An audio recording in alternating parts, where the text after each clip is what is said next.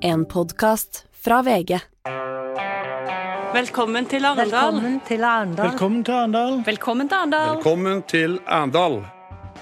Høyre kraftig tilbake i Oslo, men Rødt, SV og MDG er dobbelt så store som Arbeiderpartiet. Uttalelsen på Arendalsuka skaper internasjonal krise, eller i hvert fall eh, oppmerksomhet. Og Astrid har vært på kunstutstilling med selveste Laila Bertheussen. Dette er Gjevrøy-gjengen. Det er onsdag den 16. august.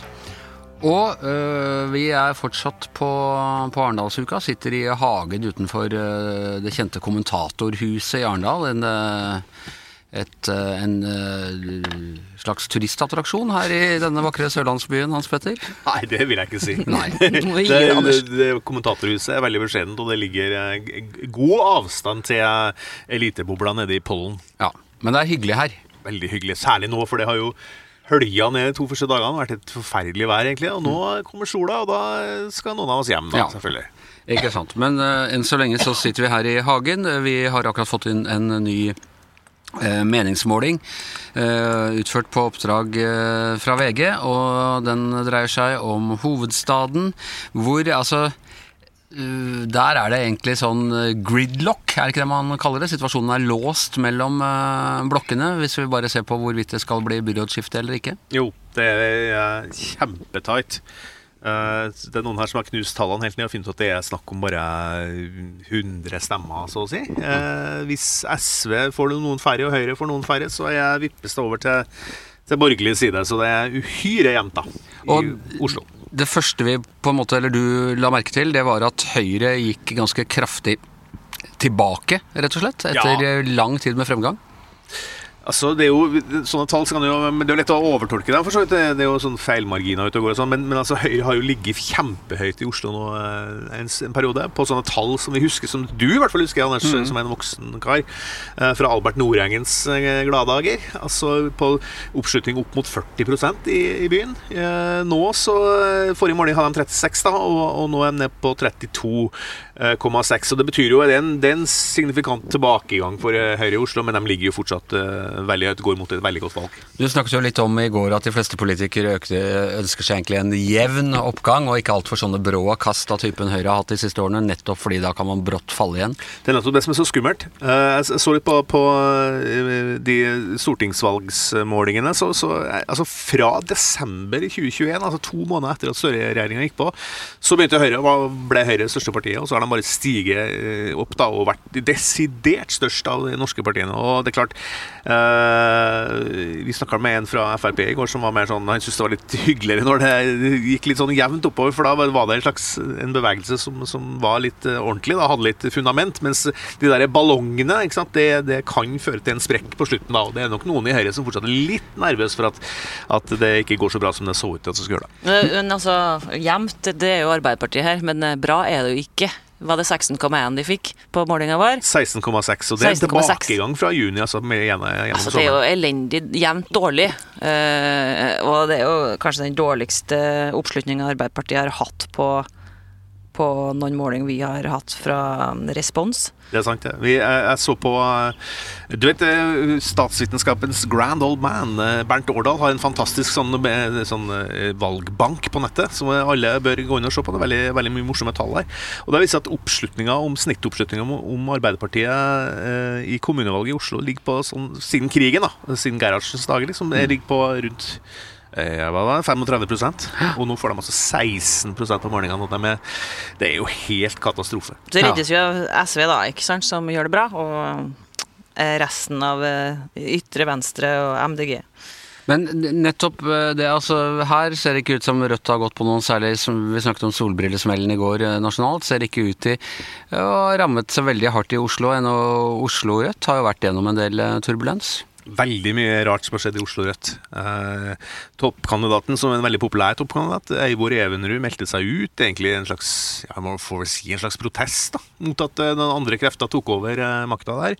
Vært mye bråk. og så Meldte seg inn i Arbeiderpartiet. Meldte seg inn i Arbeiderpartiet. Eh, og mye bråk med solbrillene til eh, Moxnes da i sommer, men det er ikke noe sånn særlig utslag. Rødt står sterkt i, i Oslo. Og det er jo, som hvis du sa i starten her, altså Rødt, MDG og SV, altså tre partier som Arbeiderpartiet i, hei- i gamle dager men så på som litt sånn flass på overhallen, liksom, eh, er, er altså nå i Oslo dob nesten dobbelt så store som, som Arbeiderpartiet til sammen. Men eh, altså, Arbeiderpartiet ligger relativt eh, jevnt, de er store. Men de velgerne Høyre har tapt, er det, har de gått til Frp? Eller altså, Oslo Frp er også en litt sånn trist historie, stort sett? Jeg går til Vel- venstre, da. Ja. Så er det venstre er stort, 10,6. Vi Vi så- glemmer Venstre alltid. Altså. Ja, vi glemmer Venstre. Det er jo ganske bra, for de lå jo på 7,9 i juni. Så, så, så, og så går jo MDG opp, og uh, Frp går litt opp, ja. Eh, så det er nok der de har gått. Venstre gjør det jo, går jo mot et kjempevalg i Oslo. De. Mm. Altså, eh, fra 5,8 ved valget sist til 10,6 om morgenen nå. da. Eh, En liten, en liten måned før valget. Så Oslo Venstre er jo en, er jo en bastion for partiet. Da, de satser hardt. Så det kan bli litt spennende. De er liksom litt eh, elektriske sparkesykkelpartiet, føler jeg. Målinga her, da, den er tatt opp mellom 10. og 15. august, så har vel neppe fått med seg den der Anne Lindboe-flausen.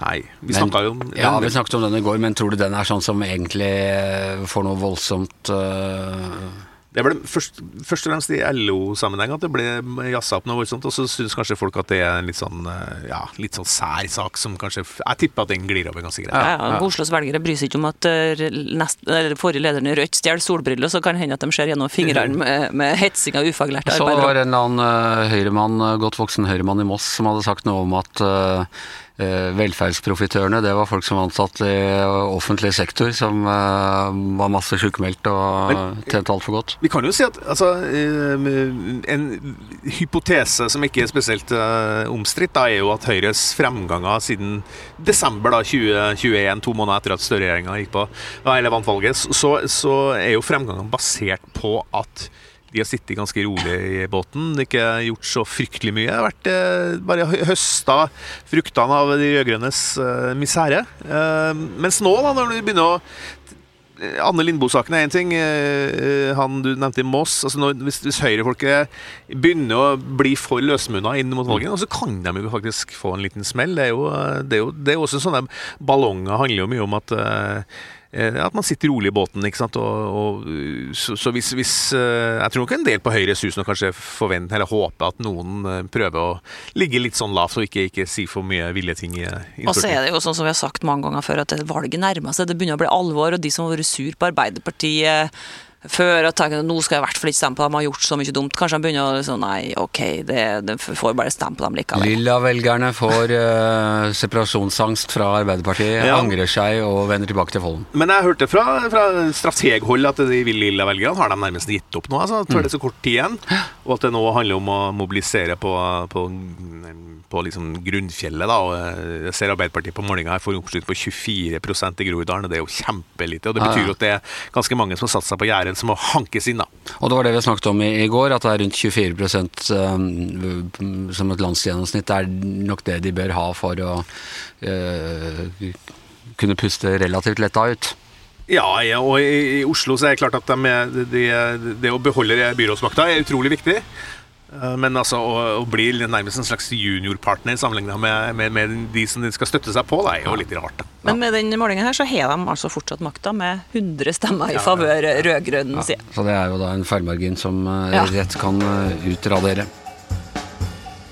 Men også noe av en internasjonal nyhet på Arendalsuka i går. Eh, Stian Jensen, som er stabssjefen til Jens Stoltenberg, hans nærmeste, i hvert fall norske medarbeider i eh, Nato, eh, han antydet på et seminar her i Arendal i går at Ukraina kan få et Nato-medlemskap i bytte mot å gi fra seg noe territorium til Russland, og at det kan være en slags eh, løsning på konflikten. Ganske spesielt, fordi øh, Stoltenberg selv og, og alle andre Nato-ledere sånn har sagt at det må være helt opp til Ukraina selv å, bestemme hva som skal til for at øh, krigen, at krigen kan eh, avsluttes.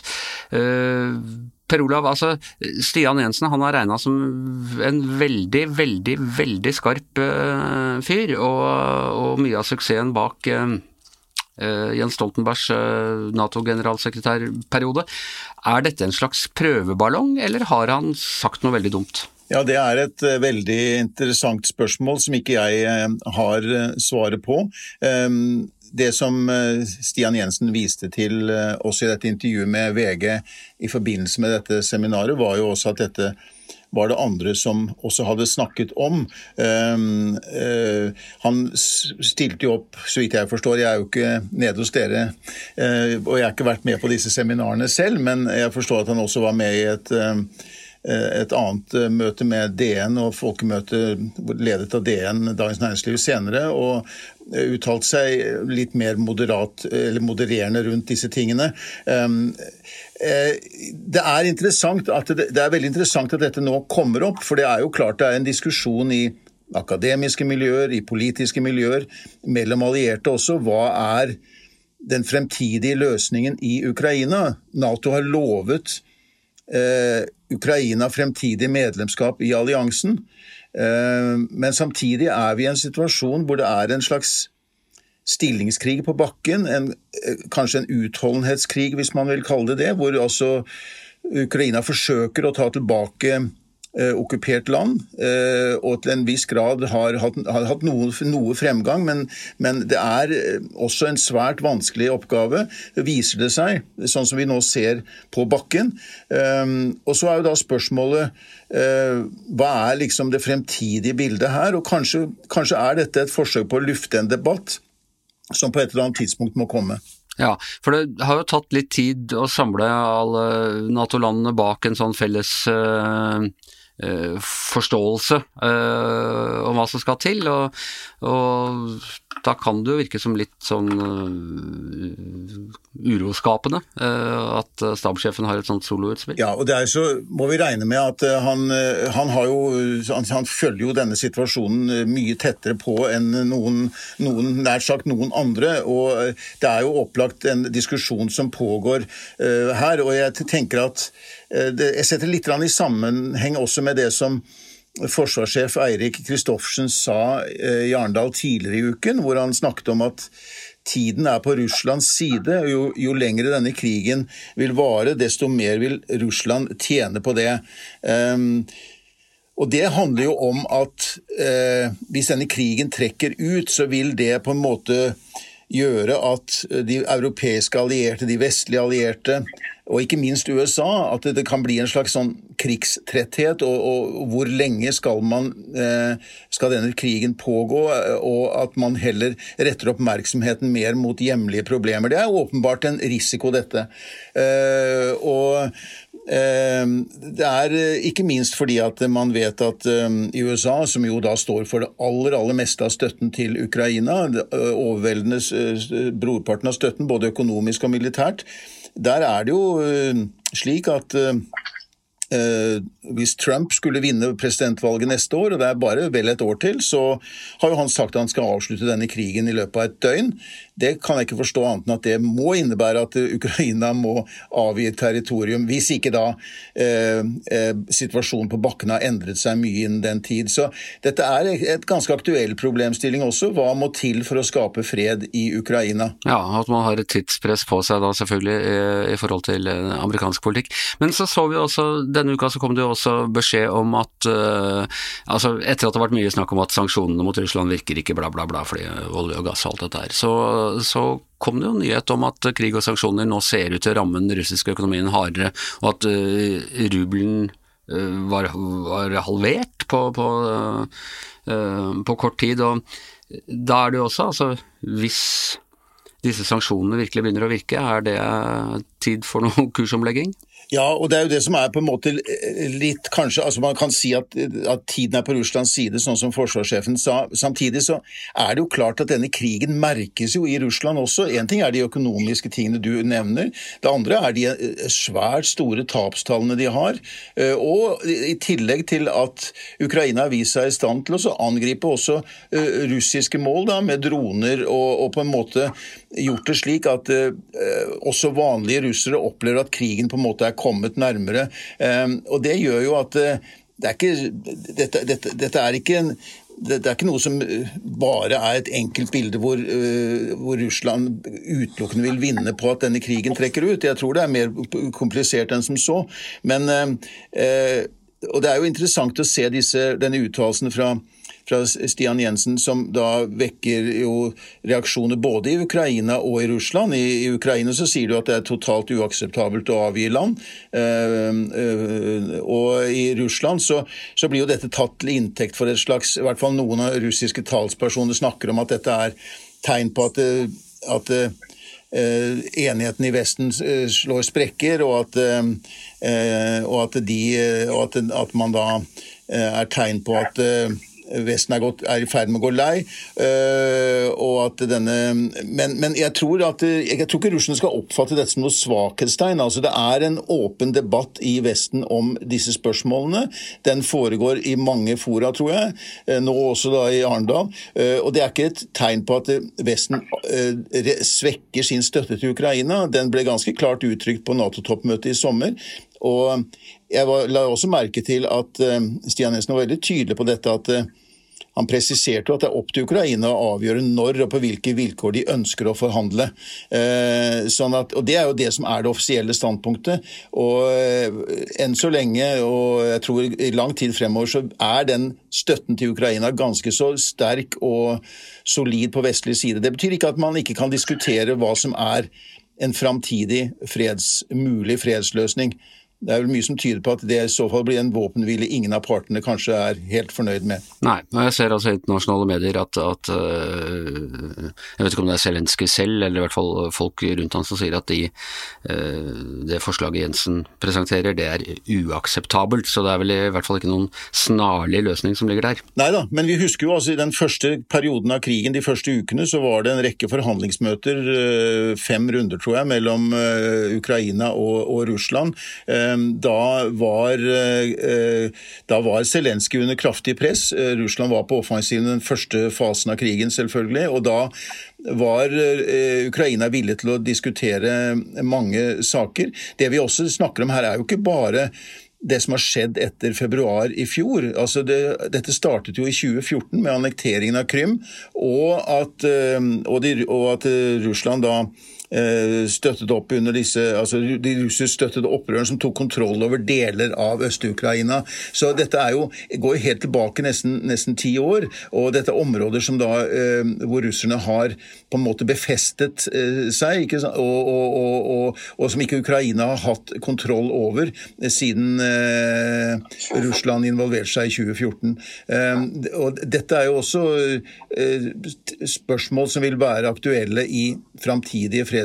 Men jeg tror verken mm, Stian Jensen, sånn som jeg, hvis jeg oppfatter han korrekt, og, og, og, andre, ser at fredsforhandlinger er noe som kommer til å starte i morgen eller i veldig nær fremtid. Altså Det er ikke akkurat det som står på dagsorden her og nå, men det gjør jo ikke at det er umulig å diskutere hva som skjer i neste, i neste omgang. Ja. Han oppnådde i hvert fall å få tatt Arendalsuka på den internasjonale agendaen, og det er alle vi som skal unnskylde vårt opphold her, veldig glad for at det har skjedd. Stian Jensen og Nato og Zelenskyj og Ukraina alt sammen må nok se seg slått av Laila Bertheussen når det kommer til å være Arendalsukas store snakkis i, i går kveld. Uh, håper jeg og andre var ute og spiste middag og møtte en opprømt Astrid Mæland som kom rett fra det som har vært den store happeningen i, i Arendal de siste 24 timene. Ja, ja, Anders. Det var lang, lang kø til en kunstutstilling. Det skjer jo sjelden. Det var, jeg vet ikke om han slapp inn engang. Det var Kristian eh, Ringnes var der, den kjente kunstsamleren. Sløseriombudsmannen. Eh, Sørlandsnyhetene. Det ble opplest intro av Otto Jespersen og Kristoffer Nilsen. Alt som kunne krype og gå i Arendal, var jo selvfølgelig der. Ikke dere, da? Nei, eh, ikke vi, for eh, vi skjønner ikke moderne kunst. Nei. Jeg skal i hvert fall ikke påstå at det er noen kunstekspert i det hele tatt. Men sensasjonen i går var jo at Laila Bertheussen, eller Laila B, da, som kunstnernavnet, kom til sin egen kunståpning og holdt en ganske beveget innledning. Var rørt og nervøs. Og etterpå så gikk hun rundt og snakka med oss alle og så ut til å trives bare bedre og bedre. Hun solgte til meg et verk til Christian Ringnes for 10 000 kroner. Og du dekket jo denne rettssaken i sin tid, så dere er på en måte gamle kjente? Ja, det er vi. Vi hilste selvfølgelig og snakka. og Laila Bertheussen sa at eh, hun var generelt skeptisk til journalister, ja, men eh, hun gikk med på å snakke med meg for hun sa at jeg har en aura av vennlighet rundt meg. Det har, hun, det har jo Laila Bertheussen helt, eh, helt eh, rett i. Eh, kanskje hun er empat òg, ved siden av å, være kunstner. Men altså, ja, eh, utstillingen forhåndsslakta av, i, eh, av NRKs eh, kunstkritiker. Eh, voldsomme sure minner fra arrangørene som følge av det, og en ganske klassisk norsk sånn kunst- og kulturdebatt som har oppstått. Men Astrid, jeg vet jo at du, du sier at du vil ikke være kunstkritiker og sånne ting, men er, det interessant å se for et vanlig menneske eh, å gå og se denne utstillingen? Ja, var, jeg syns det var kjempeinteressant. Jeg har jo en spesiell interesse i saken og i Laila B. Eh, men sensasjonen er vel egentlig, og kunstverket er vel egentlig Laila B. Og hun var jo bare der i går, vil jeg tro. Eh, nå henger disse veskene innramma på kunsthallen der, eller eh, galleriet. Og det er alle de her bevisene fra rettssaken er der, med tusja, tusjen hennes, bensinkanna som er spraya i sølvfarge. Eh, og det er en del maleri av hun sjøl som sitter eh, naken uh, og er ganske sånn sårbar, full av angst, ensom. Uh, men det, det som jeg synes er så pussig, liksom Øde Neidrun for eksempel, var jo i panelet i går og kalte det talentløst, før han med en gang angra seg og sa at det var arrogant sagt av han. Mens som du sa, Bona Pale Bjerke i NRK slakta utstillinga fordi at eh, Laila Bertheussen ikke er en ubehjelpelig formgiver, ikke kan å male, ikke har skolering, da. Det er jo liksom Det er jo ikke det som jeg tror er, da. Hun kan ikke male en hånd, eller et eller Ja, annet sånt? dårlig, dårlig og ubehjelpelig, og dessuten syntes eh, NRKs kunstkritiker at Laila B var en marionett i eh, det hele. Altså, for kuratoren bak det hele er jo Morten Tråvik, som driver med sånn stor hyperteater. Så alt sammen det er på en måte hans kunstprosjekt. Det har hun sikkert riktig, men, men, Men jeg hadde litt inntrykk av på deg når du fortalte oss om dette på bar i går, at, eh, at det kanskje var de andre som var litt marionetter for eh, Laila Bertheussen? Ja, fordi jeg skjønte slik da jeg snakka med folk at det har vært et svært vanskelig samarbeid, og at Morten Tråvik og galleriet nok har måttet kompromisse ganske mange ganger, og at Laila B har tvunget dem til å gjøre ting på sin måte. Og jeg tror absolutt ikke hun Hun er klar over den innvendinga. Det, det, det adresserte hun, at eh, mange ser på hun som en brikke i andre sitt spill. men hun tror jeg da tenker at det er hun som er regissøren i det showet her, og det er jo vanskelig å avgjøre. Ja. Eh, Så er det ganske alvorlige forbrytelser hun ble dømt for. Eh, Trusler, ikke minst, mot eh, sin, sin daværende ektemann. Og, og i det hele tatt så er det, er det helt greit liksom, at dette gjøres til et sånt litt sånn ha-ha kunstnerisk prosjekt. Ja, jeg fikk en flau smak i munnen da jeg satt på åpninga i går, og Laila Berthesen kom, og publikum jubla og lo og klappa. For at jeg huska jo alvoret i rettssaken. Det var jo en hel teatertropp som ble urettmessig hengt ut. Det var folk som var livredde for trusler. PST har jo etterforska saken og brukt enorme ressurser. Så det er en alvorlig sak og alvorlig kriminalitet. Og når Otto Jespersen og Kristoffer Nilsen sier at det hele har vært eh, en eh, performance av Laila B fra start. Ok, eh, det er i tilfelle utrolig provoserende hvis det er sant, men jeg syns eh, Laila B's utstilling eh, ramma ingen. Eh, er, hun har i sin fulle rett til å stille ut, hun har sona ferdig. Eh, det er stor interesse. Eh, kunstfeltet er jo alltid sur for at det er for lite interesse. Det syns jeg er absolutt helt eh, ok at eh, hun har en utstilling her i Arendal. Ja. Hva syns du, Håpe? Noen eh, Nei. kunstfaglige innvendinger? Ja, altså Jeg, sy- jeg syns det her er bare, bare tull. Uh, altså Det er en sånn typisk sånn eh, Tråvik-performance. Uh, der er jeg enig med, med NRKs anmelder. Det her er jo ikke noe, noe altså Spørsmålet hva i dag hva er moderne kunst, hva er verdien, hva er det som bestemmer hva som er bra eller dårlig? Det, er- det er jo lange debatter om det. Men, men altså hadde det ikke vært for den rettssaken og alt det der tingene hun er dømt for da, og har gjort, så hadde hun aldri utstilt noe av det greiene her. Så, så det, er jo, det er jo hennes rolle som, som i, i den veldig eh, ganske ekle saken som, som det her var utgangspunktet, da, så, som gjør at hun stiller ut nå. og Det er derfor Tråvik og andre sånne provokatører da er på banen. Det interessante er jo eh, at alle blir så sint, at så mange blir så sint, og at innvendingene er så rar. Hvorfor skal hun vurderes som en maler som må ha realisme? Liksom? Det er jo ikke det som er prosjektet hennes, vil jeg tro. Og hvorfor skal hun liksom slaktes som debutant for å ha for dårlig fargekunnskap? Altså, det ville ikke skjedd med en Ja, Hvis det var en eh, Vent, Ja, da! Vent da! Det ville ikke skjedd Det ville ikke skjedd hvis det var en flyktninggruppe som lanserte outsiderkunsten sin, eller en krisesenterkvinne som laga vesker. Du mener Eh, at uh, flyktninggruppene kommer altfor lett til det i norsk kunstverden? Nei, jeg mener at det, ville blitt vurdert etter andre kriterier. og Det er jo eh, det er misforstått, da. Eh, hvis man liksom, hva, er, liksom- hva er da kunsten? Ja, Kunsten er Laila, Laila B. Det er hun som er sensasjonen. Alle var kommet for å se hun, og hun kunne ha stilt til nærmest hva som helst eh, som handla om den saken. Det er ikke nøye hva som henger der. Det er hele greia. Og, og, og, og Morten Traavik fortsetter jo å sette opp det speilet sitt, da. Der kunsteliten, da, eller hva man skal kalle det, kunstverden, møter seg sjøl litt i døra. Men det er ikke- Tåler det her dårlig. Er ikke det en ganske sånn slapp greie at det, ja, uansett Han kan gjøre det mest ville ting, og så, så skal noen komme og kritisere det. Og så er det liksom de som kritiserer som er problemet. Er ikke det en veldig sånn De blir jo en del av hans teater, da. ja, men Det er ganske banalt, hele greia. Det, det, jeg har tenkt ved Tråvik flere ganger også med, med Sløseriombudsmannen. Det er liksom sånn det er sånn, pro, det er sånn provokunst, og er ikke det Jeg syns det er litt sånn barnslig. Vi er alle marionetter i den kyniske kunstindustriens uh, installasjons-performance-spill. Jeg følte meg sjøl som en del av det teater, hyperteateret i går Jeg, kveld. jeg er også bare ved å være her i Arendal, og, og det gjelder oss for så vidt alle sammen.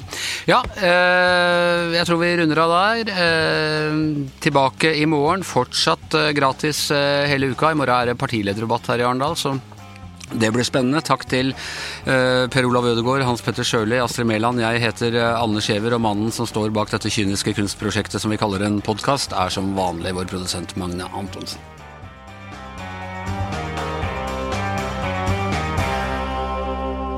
Du har hørt en podkast fra VG. Ansvarlig redaktør, Gard Steiro.